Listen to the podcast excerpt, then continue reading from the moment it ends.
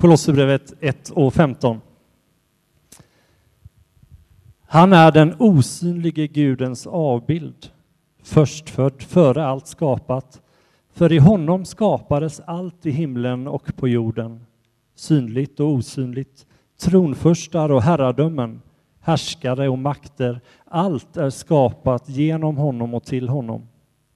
Han är till före allt och allt hålls samman genom honom. Och han är huvudet för sin kropp, församlingen. Han är begynnelsen, den förstfödde från de döda, för att han i allt skulle vara den främste. Gud beslöt att låta hela fullheten bo i honom och genom honom försona allt med sig själv, sedan han skapat frid i kraft av blodet på hans kors. Frid genom honom, både på jorden och i himlen. Så lyder Herrens ord. Gud, vi tackar dig.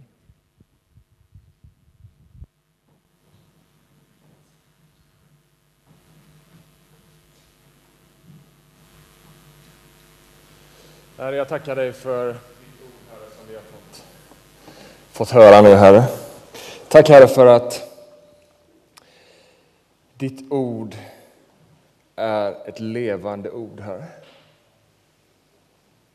Ditt ord är levande och verksamt, Herre. Jag tackar att redan nu när vi har fått ditt ord uttalat över oss, vi har fått läsa det tillsammans, Herre, så har ditt ord redan fått börja verka på våra hjärtan när vi fått höra orden om dig, Jesus Kristus, den osynlige Gudens avbild. Han som är till för allting. Ja, han som genom allting är skapat igenom, han som upprätthåller allting. Tack att det ordet redan har börjat verka på våra hjärtan. Redan börjat göra någonting med oss, forma oss. Herre. Vi får börja se dig, Jesus, som ännu mer underbar, ännu mer ljuvlig. Tack, Herre, att den här predikan nu, Herre, att du ska hålla mig i ditt grepp, Herre. Faktum att vi ber också att du ska hålla var och en här inne i ditt grepp, Herre. Så att vi får lyssna med öppna hjärtan, här och ta emot ditt ord, Herre. I Jesu namn. Amen.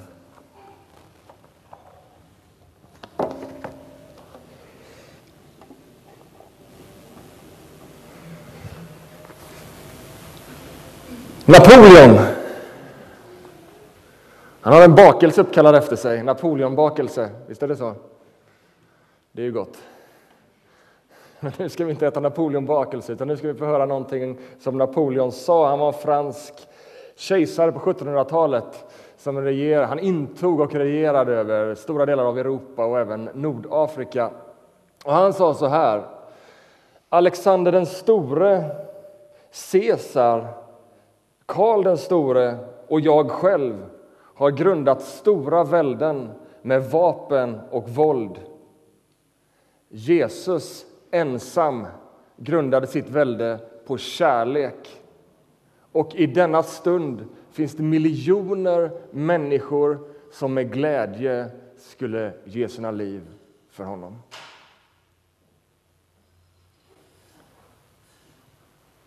Napoleon, Caesar, Karl den store, kungar men i det här citatet så sätter Napoleon fokus på en annan kung. En kung över ett annorlunda rike. Ett rike bortom alla andra riken. Jesus är kung bortom alla andra kungar. Han är annorlunda alla andra kungar. Ett rike vad utgör ett rike, ett kungarike? Ett rike utan en kung är inte mycket till rike. Ett kungarike är ju just ett kungarike för att det finns en kung. Men det intressanta idag, jag vet inte om du har stött på det, kanske inte direkt men kanske indirekt, men om man läser mycket teologi, mycket trender, vad som händer inom, inom liksom, den teologiska sfären och även till viss del, liksom, det får ju sina in, insvallningar, säger man så, sin påverkan in i kyrkans värld. Så pågår det någonting och har pågått under en ganska lång tid där det finns röster som vill prata om Guds rike som ett socialt projekt. Vad innebär det? Jo, man vill prata om Guds rike Man vill göra tanken om Guds rike till synonymt med engagemang för sociala frågor, med engagemang för miljö och rättvisa och massa sådana här egentligen i sig goda saker. Men vad som händer det är att fokus förflyttas från kungen och hans rike till våra försök att leva ut riket men utan Jesus på tronen. Det kan verka så fint, det kristna, det är, ett så, det, är så, det är ett så socialt projekt, det är så bra, Guds rike, det är tanken om harmoni och att alla ska leva i balans med varandra och det ska vara harmoni liksom i klimat och allting och jättebra saker i sig. Men när budskapet om Guds rike förlorar sitt fokus på den som sitter på tronen, på den som regerar. När kung Jesus blir en passus i det vi lever för då blir den kristna tron inget annat än en morallära och ett knippe goda initiativ och en ideologi bland alla andra ideologier.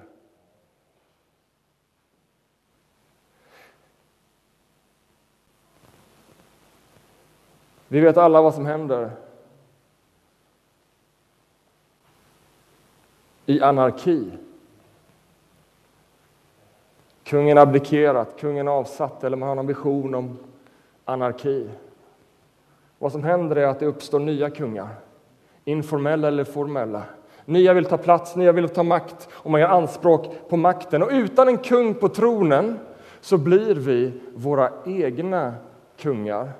Och vi lever för inget större än oss själva och våra ambitioner. Den kristna visionen är en vision om en tron. Och det är inte en tron där kungen har abdikerat utan det är en vision om en tron där Jesus Kristus sitter och regerar för evigt.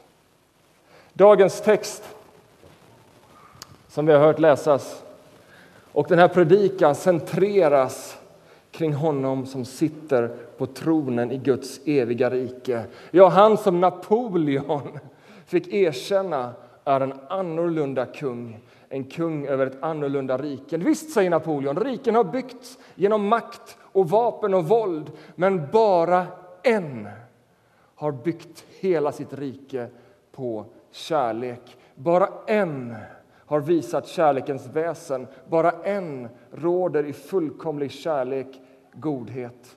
Ja, bara en är ojämförbar konung. Guds rike på jorden kommer inte av att vi söker de här goda gärningarna först. Det kommer inte av att vi söker det sociala projektet först, att vi söker de här liksom konsekvenserna av riket först. Nej, Guds rike kommer på jorden när vi söker han, en person när vi söker honom själv, han som är godheten, han som är rättvisa, han som är allt som är heligt, upphöjt och värt att kalla någonting. När vi söker honom först. Guds rike utbreder sig på jorden när vi söker honom och när vi ger hela våra liv att följa honom, att tjäna honom och leva för honom. Och Det är ett budskap som jag hoppas, är det någonting som jag vill de här fem söndagarna att du har med dig det är att det finns en kung som sitter på tronen. Och honom får vi ge våra liv för. Och förra veckan talade vi om detta, att det finns ingenting annat mer betydelsefullt än att vi ger sitt liv att följa honom. Och vi följer honom därför att han är ojämförbar konung. Han är övermäktig, överljuvlig och fantastisk.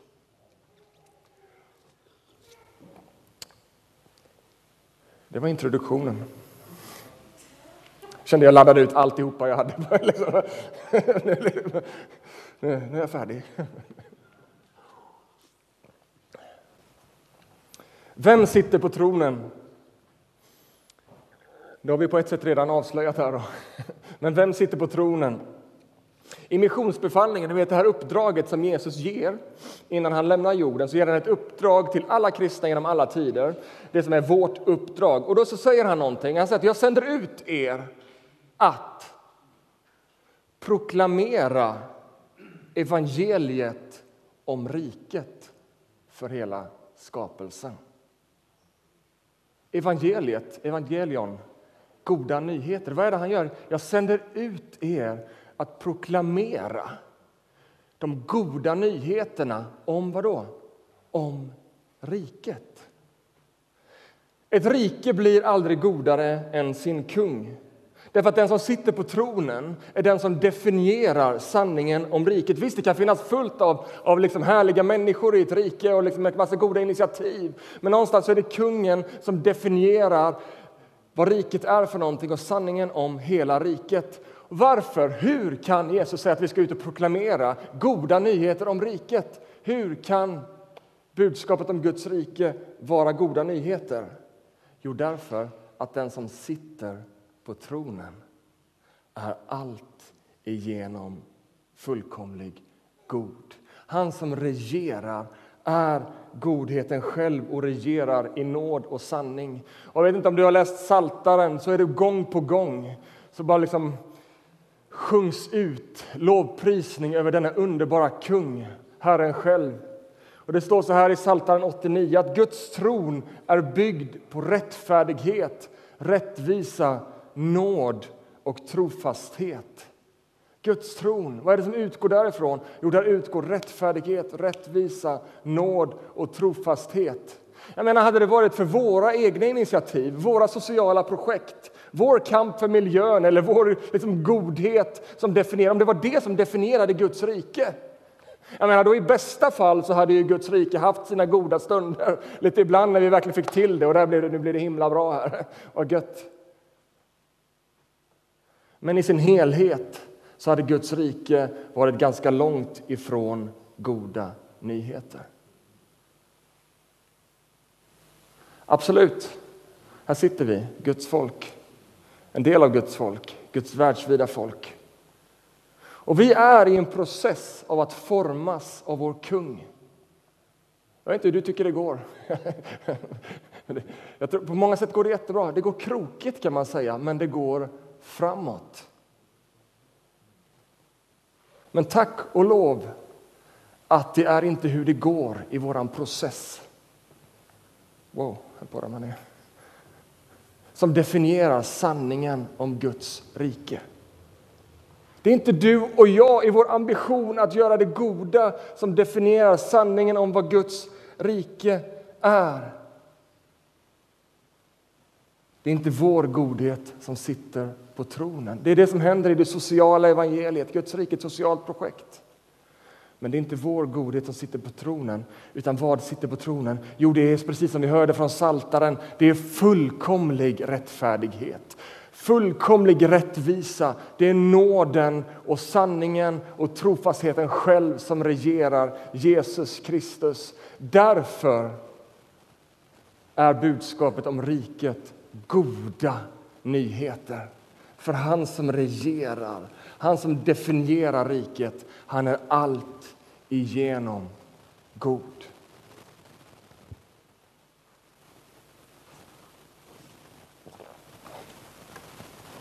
Därför är det också viktigt vilken Jesus det är som sitter på tronen i våra liv. Förstå mig rätt, det finns bara en Jesus. Men det finns många bilder av vem Jesus är. Vem sitter på tronen i ditt liv? Vad har du för bild av Jesus? Är det den bild som Bibeln målar? Eller är det samtidens många olika bilder av vem Jesus är? Och här tror jag vi har ett uppdrag som kyrka och som Jesu Kristi efterföljare att faktiskt berätta för världen om vem Jesus är. För att samtidens bilder är ofta så långt ifrån den verklige Jesus. Och jag har märkt att det är lätt att skapa sin egen bild, att göra liksom Jesus till något han inte är. Och det här sker också inom kyrkan. Vi liksom hittar på våra egna bilder om vem Jesus är och hur han ska vara eller borde vara. Jag vet inte, det finns ju massor olika liksom, bilder. Men ibland tror jag att vi gör Jesus till en jultomte. Vet, jultomten är lite mysig. Ja, ibland kan han vara lite, man kan bli rädd också om man är barn och det kommer in bara, vad är det här för en liksom, dålig mask? Men det är lite som vi gör Jesus till en jultomte. Det är en liksom mysig gubbe, lite bra att ha. Vi vet inte riktigt om vi tror på honom. Det är det här förhållningssättet man har till tomten. Man vet inte riktigt liksom, är, hur är det nu egentligen? Finns han verkligen? Men det är lite mysigt att ha, för att det kan ju vara så att det är på riktigt. Det kan ju vara så. Om vi är snälla nog, om vi har lite tur, så kanske vi kan få det vi önskar oss. Det finns andra som liksom så stor, tror stenhårt på tomten. Det är klart tomten finns. Och Jesus blir liksom vår go-to-guy när vi vill ha det vi vill ha. Då kommer vi med våra önskelistor här och sen så liksom, ge oss, liksom, välsigna oss nu då, kom igen nu då. Så blir Jesus liksom någon form av godisautomat som vi bara liksom går till för att få det vi vill ha. Ibland gör vi Jesus till en livscoach. Ni vet den där glada och käcka spinninginstruktören. Jag går och simmar med mina grabbar varje fredag och liksom, då går vi alltid förbi en sån här klass ehm, spinninggrupp som kör sina spinningcyklar och dörren är alltid öppen. Och det är liksom alltid bara, kom igen nu då, du kan lite till, kom igen nu, kör på, lite mer orkar du. Kör nu liksom in, in, i, in i väggen eller in i kaklet säger man. Kör på. Du vet sådär, inte lagom klämkäck, utan liksom klämkäck på steroider och pushig som försöker få dig att pusha lite hårdare för att uppnå dina mål. Hjälpa dig att uppnå din fulla potential. Och liksom alltid redo med en klämkäck Instagram-slogan. You can be your own dream. Keep on pushing. Eller så gör vi Jesus till en sån där coach som försöker få dig att bli bra nog för att förtjäna Guds kärlek och uppmärksamhet. Och kanske är det här vanligast för dig och mig. Jag kan inte vara riktigt bra nog. Kan Jesus ta emot mig som man är? Och man söker efter liksom någon som kan bara uppmuntra och pusha. Kom igen nu, försök lite hårdare. Som om evangelium vore att Gud gav oss en stege. Varsågod och klättra. Varsågod och förtjäna din väg till Gud. Varsågod och rör dig mot honom. Jesus är varken jultomte eller livscoach. Han är kung. Han är kung. Kung över ett annorlunda rike. Ett rike där jultomte Jesus inte har sin plats. Ett rike där livscoach Jesus inte har sin plats. Ni vet, vad säger Paulus? Vad är det att bli en kristen? Jo, i Romarbrevet 10 säger han att man blir en kristen genom att bekänna Jesus som Herre. Att bekänna Jesus som Gud, att bekänna Jesus som regent i ditt och mitt liv. Och när man tänker på en regent, på en kung, då kan man tänka ja, men det är onåbart, det är långt där borta. Liksom, jag får aldrig komma och träffa Carl Gustav, liksom, eller vad han nu heter, vår kung. Men vet ni, vi har sagt det redan från början. Jesus är en annorlunda kung. Evangelium är inte en stege utan ett kors. Det hade varit generöst nog om Jesus hade kommit som en morallärare och gett oss här är en stege. Help yourself. Nej, då hade vi alla gått runt med silverkedjor med en steg liksom runt halsen. Men evangelium är någonting annat. Gud gav ett kors. Vi behöver inte klättra upp till Gud. Han kliver ner till oss. Vi behöver inte bevisa något för honom. Han har bevisat allt för dig. Och Jag tror det där är speciellt till någon här inne just nu. Du behöver inte bevisa dig för Gud. Han har bevisat sig för dig. Han klev ner till dig. Det är goda nyheter. Kungen kommer till oss. I advent, som snart kommer, men nyss badade man ju och gick i shorts. Och nu är det snart advent. Men i advent så sjunger vi från Sakarja 9. se, din konung kommer till dig. Rättfärdig och segerrik är han. Se, din konung kommer till dig. Han kommer till dig. Han vill vara nära dig. Och var du inte lyssnade inte förra veckan, så lyssna på förra veckans predikan. Där jag försökte bombardera in det här budskapet att Jesus, han vill vara nära dig. Han vill ha dig nära sig. Ja, han kommer till dig. Jeremy Treat, som har skrivit boken Seek First, som har varit en inspiration för hela den här serien, han säger så här. När du hör orden Guds rike, föreställ dig inte ett avlägset palats i skyn. Tänk istället på en person mitt ibland oss som kommer med återupprättelse till en värld fördärvad av synd. Texten från Sakarja 9 fortsätter. Se, din kung kommer till dig, rättfärdig och segerrik är han. Han kommer ödmjuk, ridande på en åsna, på en åsninnas föl. Ja, han kommer, han är kung, han regerar över allt. Han kommer med seger och rättfärdighet, han kommer som en konung med sitt rike. Men han är annorlunda. Alla andra regenter som världen har skådat, han kommer på en åsna. Han kommer ödmjuk. Lyssna nu. Jesus, han är given från ovan men han kommer tjänande underifrån. Vad är det jag försöker måla för dig? Han är kung.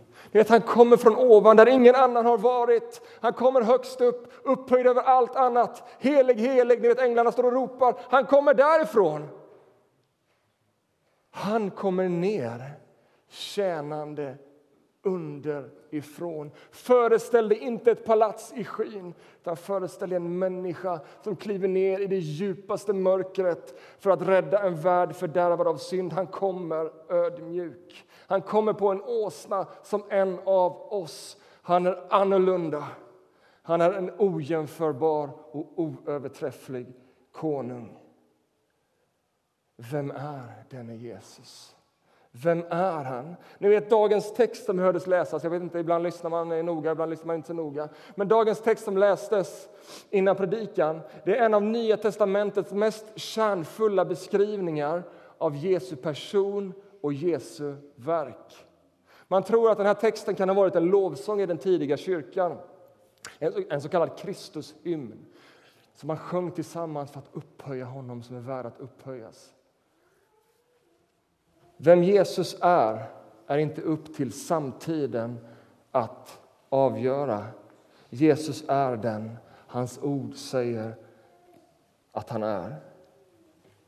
Och Det är ganska fascinerande. I psalm 24, David skriver så skriver han om, den här, om konungen, om Herren, Gud som konung. Och så är det som att han blir liksom överväldigad själv och så brister han ut i psalm, i psalm 24 i slutet. Who is this king of glory? Vem är den här härlighetens kung? Vem är det jag pratar om? Vem är den här härlighetens kung? Ni vet psalmen vi läste tillsammans i början. Vem är han? Ni vet David som själv var konung. Han som fick vara en skugga och peka fram mot den store konungen. Han förundras över vem Gud är, över vem denna kommande konungen är. Vem är denna konung i härlighet? Och vid den frågan så kommer dagens text till oss på ett alldeles ljuvligt sätt. Vem är denne konung i härlighet? Han är den osynlige Gudens avbild. Han är förstfödd före allt skapat. För i honom skapades allt i himlen och på jorden synligt och osynligt, tronfurstar och herradömen, härskare och makter. Allt är skapat genom honom och till honom. Han är till före allt, och allt hålls samman genom honom. Vem är denna härlighetens konung? Jo, han är huvudet för sin kropp, församling, församlingen. Han är begynnelsen, han är den förstfödde från de döda för att han i allt skulle vara den främste. Gud beslöt att låta hela fullheten bo i honom och genom honom försona allt med sig själv. sedan han skapat frid i kraft av blodet på hans kors. Frid genom honom både på jorden och i himlen. Han är den osynlige Gudens avbild. Det här skrevs i en tid när avbilder var bärare av ett enorm innebörd. Ni vet Nero vid den här tiden var kejsare i Rom. Men det här var innan Instagram och internet och alltihopa. Hur skulle man liksom sprida ryktet om Nero som mäktig kejsare över det här imperiet? Ja, men vi har också idag, om vi tar ett mynt och tittar så har vi liksom en bild där på våran kung, även om våran kung inte har så mycket makt. Man tryckte upp mynt med bild, Neros avbild på så skrev man in inskriptioner såsom världshärskare och fullkomlig regent. Och jag tror en, en inskription var fridens altare. Nero, fridens altare. Man reste stora statyer runt om i riket över Nero, en avbild för att visa vem det är som regerar. De romerska kejsarna såg sig som Guds representant och ibland till och med som Gud själv. Men då säger Paulus i den här kontexten, hallå, ni har inte sett någonting. Om ni tyckte att den där statyn var någonting, det är ingenting i jämförelse. För att jag presenterar en kung som är kung över ett annat rike och han är den osynlige Gudens avbild. Och det här ordet avbild, eikon på grekiska, det har också innebörden av manifestation. Så det är inte bara liksom en, Jesus var inte bara liksom en, en liksom, eh, en, en representant för Gud, han var en manifestation av Gud. I Jesus blir den osynlige guden synlig. Han är förstfödd före allt skapat. Han är inte skapad. Det här frågar mig mina barn ofta när vi ska sova. Vem skapade Gud då? Vem skapade Jesus? Nej, han är förstfödd före allt skapat. Han är evigt gudomlig som tagit mänsklig gestalt. Wow! I honom skapades allt, inte bara det vi ser utan han skapade allt i himlen och på jorden. Han är skaparen av tronfurstar, herradömen, härskare och makter. Det finns ingenting som är utanför hans herravälde. Allt är skapat genom honom och till honom. Och jag blev så berörd när jag satt och förberedde mig med den här texten. Den här raden bara poppade ut. Vad säger det här till mig? Allt är skapat genom honom och till honom. Bibeln beskriver dig som en Guds skapelse. Du är skapad för honom och till honom. Än en gång så är det som att den helige Ande vill slå på den här spiken så att det ska fastna riktigt i ditt hjärta. Att Gud vill dig. Jesus vill dig. Jesus vill ha dig nära sig. Du är till och med skapad för honom och till honom. Att leva för honom att reflektera honom. Ja, allt är skapat för Jesus, för att reflektera hans härlighet, för att leva av honom och i hans härlighet. Ni vet ofta mänskliga kungar, man bygger upp sitt rike, man bygger upp sitt herravälde och man liksom bygger upp det så att man ska bli ärad och upphöjd och liksom man har så mycket härlighet för sig själv. Den här texten säger att Jesus, han har härlighetens fullhet, men han håller den inte för sig själv. Han delar med den, han bjuder oss in i sin konungsliga liksom, närhet. Och vi får leva av hans härlighet. Du är skapad för att äta vid kungens bord. Du är skapad för att äta vid kungens bord. Du är ett kungabarn. Du är inte en slump. Du är inte bara en händelse. Det råkade bara bli. Eller det råkade till och med vara planerat. Du är långt mycket mer än planerad eller en slump. Du är skapad av Gud, för honom, till honom. Ja, han, han är till för allt och allt hålls samman genom honom. Om vem kan sägas att han är till för allt? Hur är det ens möjligt? Jag har ingen aning.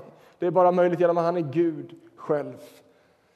Jesus är den evige ur vilket allt annat springer. Och så står det att allt hålls samman genom honom. Sådan är hans makt. Att om han en millisekund släpper greppet om universum så flyger planeter åt alla världens håll och allt faller samman som ett korthus. Han upprätthåller allt. Behöver du vara orolig för morgondagen? Jag vet inte, jag tror att jag, om vi skulle köra en mätning här, vem som är mest orolig, så tror jag att jag skulle ligga rätt bra till på den skalan. Du kanske tror att jag är en cool och kaxig typ, men jag är en ganska orolig typ. Vilket innebär att jag behöver se mer på vem Jesus är. Jag behöver blicka mer in i fullheten av vem han är. Jag behöver förstå mer av vilken omsorg han har om mig och hur stor hans makt är, att han upprätthåller allting. Vi behöver inte oroa oss, därför att vår Gud är inte en Gud som har makt över lite. Vår Gud är en Gud som har skapat allt och han har inte övergivit sin skapelse trots att skapelsen övergav honom.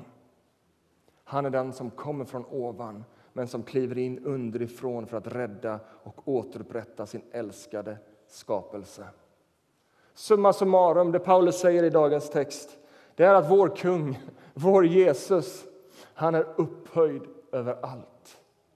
Han är helig och fullkomlig i kärlek, nåd och godhet. Han är oöverträfflig. Han är ojämförbar. Han är ljuvlig utan gräns.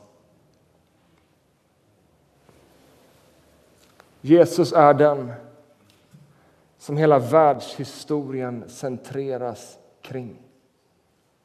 Jesus är den konung som får Napoleon och alla världsregenter att blekna. Jesus är den konung som är fullkomlig i makt och ära. Han är skaparen av allt vi ser och inte ser och ingenting undgår hans herradöme.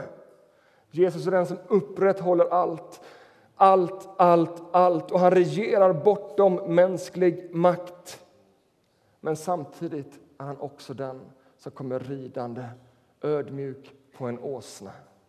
Han är den som ger sitt liv för att vi skulle vinna det. Han är den som kommer från ovan men som kliver in under allt och lyfter oss till sig. Han är den som byter ut en tron i himlen mot ett kors på jorden. Han är den som byter ut våra stegar mot att själv kliva ner till oss. Jesus är en korsfäst konung. Ja, han är helig och upphöjd, men han är också korsfäst konung. På korset visar Jesus vem som verkligen är kung. Vem som inte bara är kung över livet, utan också kung över döden. Ni vet, hans herravälde sträcker sig bortom liv och död.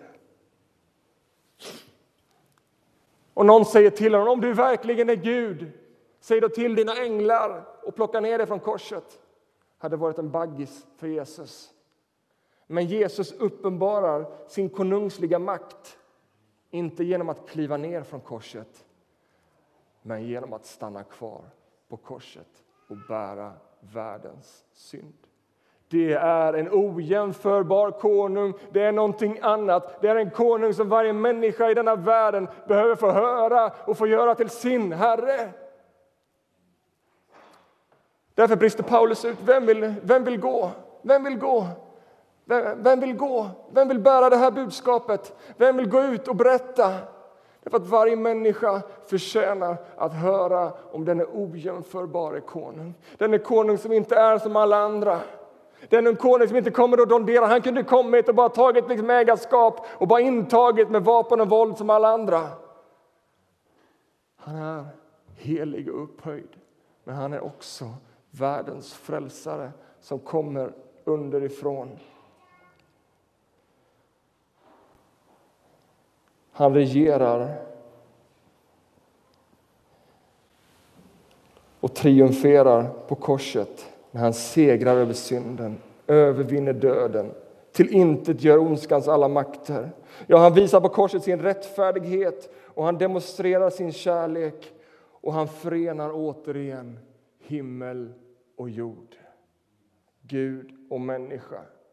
Så när du och jag bekänner Jesus som Herre när vi gör honom till kung så blir allt detta vårt.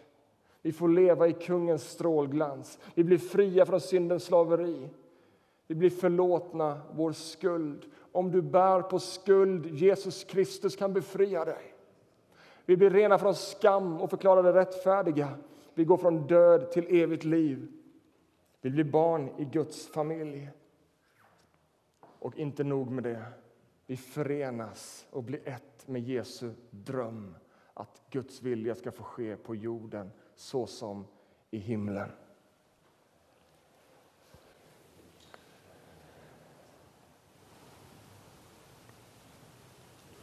Paulus avslutar i den här Kristushymnen med att beskriva den här Kristus som försonar allt med sig på ett kors. Och han skapar frid.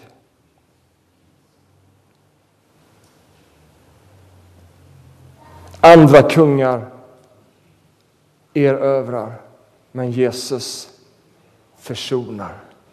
Försonar. Och han erbjuder sitt rike till syndare. Dietrich Bonhoeffer, en teolog, präst som fick dö martyrdöden i Nazityskland, han sa så här.